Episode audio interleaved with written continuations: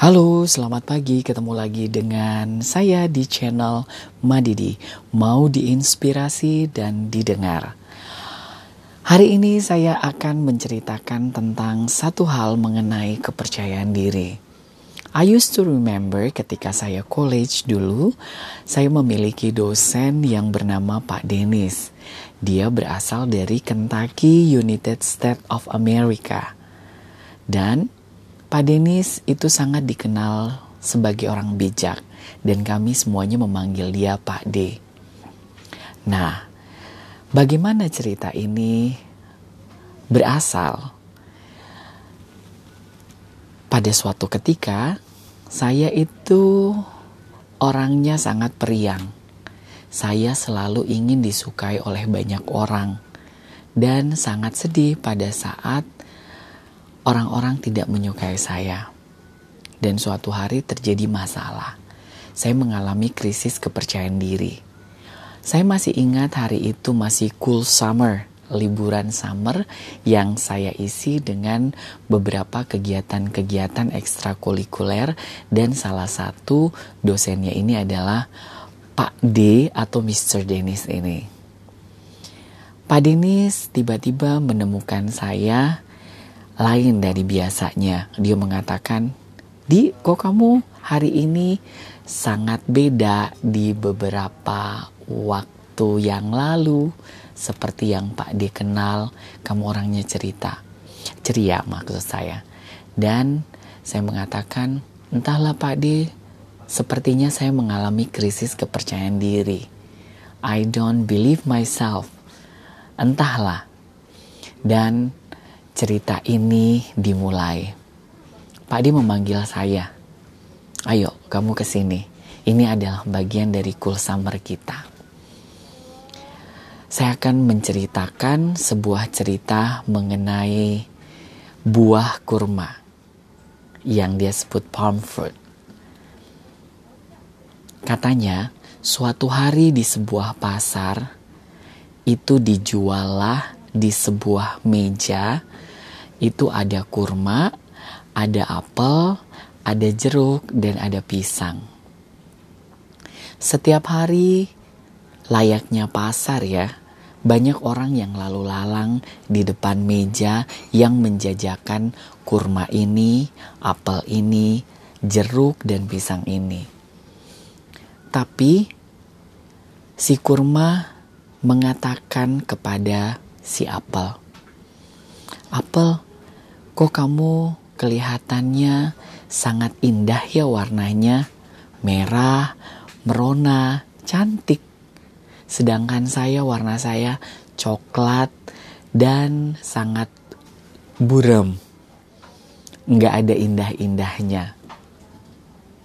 Dan siapa mengatakan, oh iya dong, lihat aja karena emang bibit saya seperti itu. Warna merah, merona, dan sangat indah.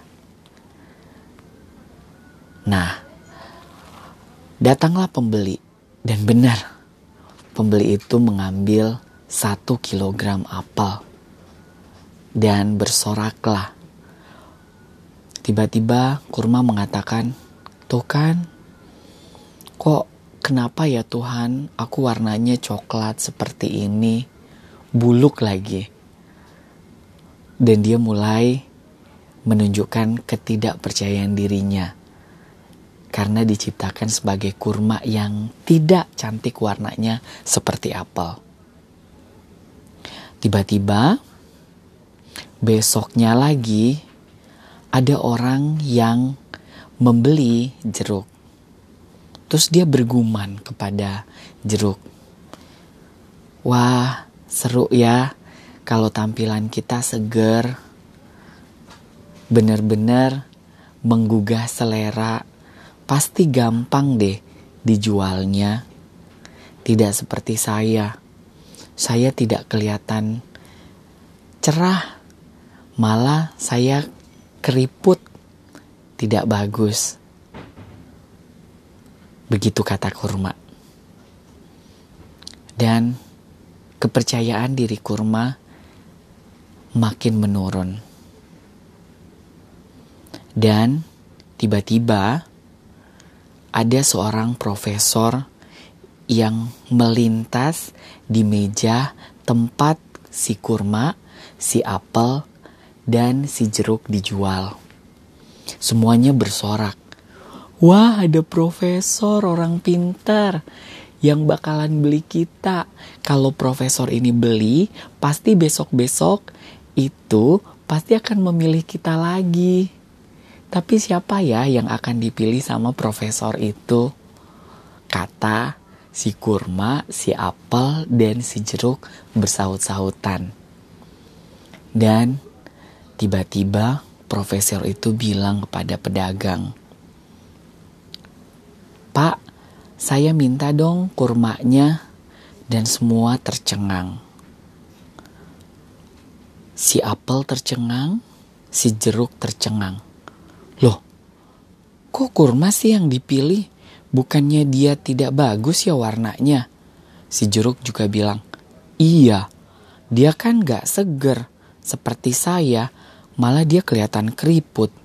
Ih, kok mau-maunya ya orang pintar bertaraf profesor lagi memilih kurma. Tiba-tiba mereka penasaran. Dan si kurma mencoba bertanya kepada si profesor. Dia mengatakan seperti ini, Prof, kenapa sih kamu memilih saya bukan teman saya si apel yang warnanya cerah atau jeruk yang kelihatannya sangat segar? Tiba-tiba si profesor bilang, Oh gitu ya. Sini deh, aku tanya pada kalian. Kira-kira si kurma ini kalau mau menjadi merah, warnanya cantik seperti apel bisa nggak? Disuntik bagaimanapun atau dikasih krayon atau dikasih spidol apa pun pasti tidak akan pernah secantik apel karena memang penciptaannya seperti itu ataupun dia mau sesegar jeruk mau disuntik apa pun, entah itu cairan apa atau yang sekarang lagi kekinian kayak botox, nggak bakalan mungkin lah sesegar jeruk, bener nggak? Dan si profesor bilang, sebenarnya kenapa saya memilih kamu, hai sang kurma?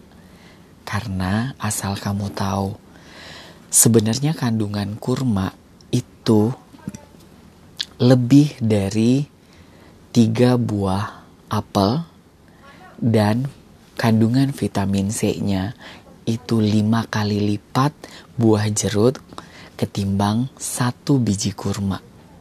Nah, Pak Denis langsung mengatakan bahwa insight dari cerita ini, Didi, adalah kita tidak akan pernah bisa menjadi orang lain. Kita tidak akan pernah bisa walaupun berusaha menjadi seperti orang lain.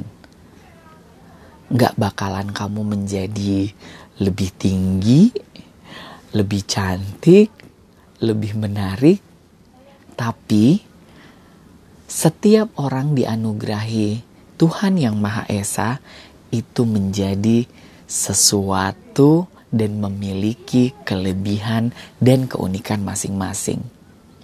Kita tidak perlu kerja keras menjadi orang lain, tetapi kita harus menjadi best version of ourselves. Seperti apa? Ya kurma, cobalah membungkus dirinya dengan uh, packaging yang lebih indah, brand yang lebih bagus. Itu akan meningkatkan nilai jualnya. Dan pasti ada orang di luar sana yang tahu kelebihan-kelebihan buah kurma dibandingkan buah lainnya. Itu yang kita harus tahu. Meningkatkan kompetensi kita. Dan lagian juga nggak mungkin dong si kurma bisa terlihat seperti apel ataupun jeruk. Nah, teman-teman sekalian, saya ingin men-sharing cerita dari Pak Denis ini kepada kalian itu agar kalian bisa menghargai diri diri kalian. Kita tidak perlu menjadi seorang yang lain untuk menjadi untuk disukai orang lain, tetapi jadilah the best version of yourself. Ya. Nah, coba kita mengeksplor lagi karena ingat teman-teman, kalau kita tidak contoh ya, tidak ganteng, kan ada yang dinamakan sinonim.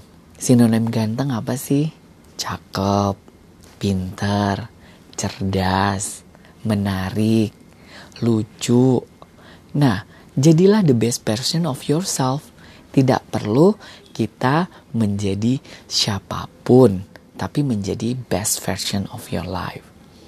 Oke teman-teman, mudah-mudahan cerita dari negeri seberang ini yang disadur oleh Pak Denis, Mr. Denis, atau kita sebutnya Pak D bisa menginspirasi kita dalam menjalani hidup kita ketika kita lagi down atau krisis kepercayaan diri. Saya yakin kalian di luar sana pasti memiliki kelebihan dan keunikan masing-masing. Ingat loh, mulai penciptaan dunia sampai nanti akhir dunia, hanya satu kalian masing-masing yang diciptakan. Tidak mungkin ada Didi dua orang yang persis sama, bahkan kembar identik pun tidak tentu sama. Setiap orang memiliki keunikan masing-masing.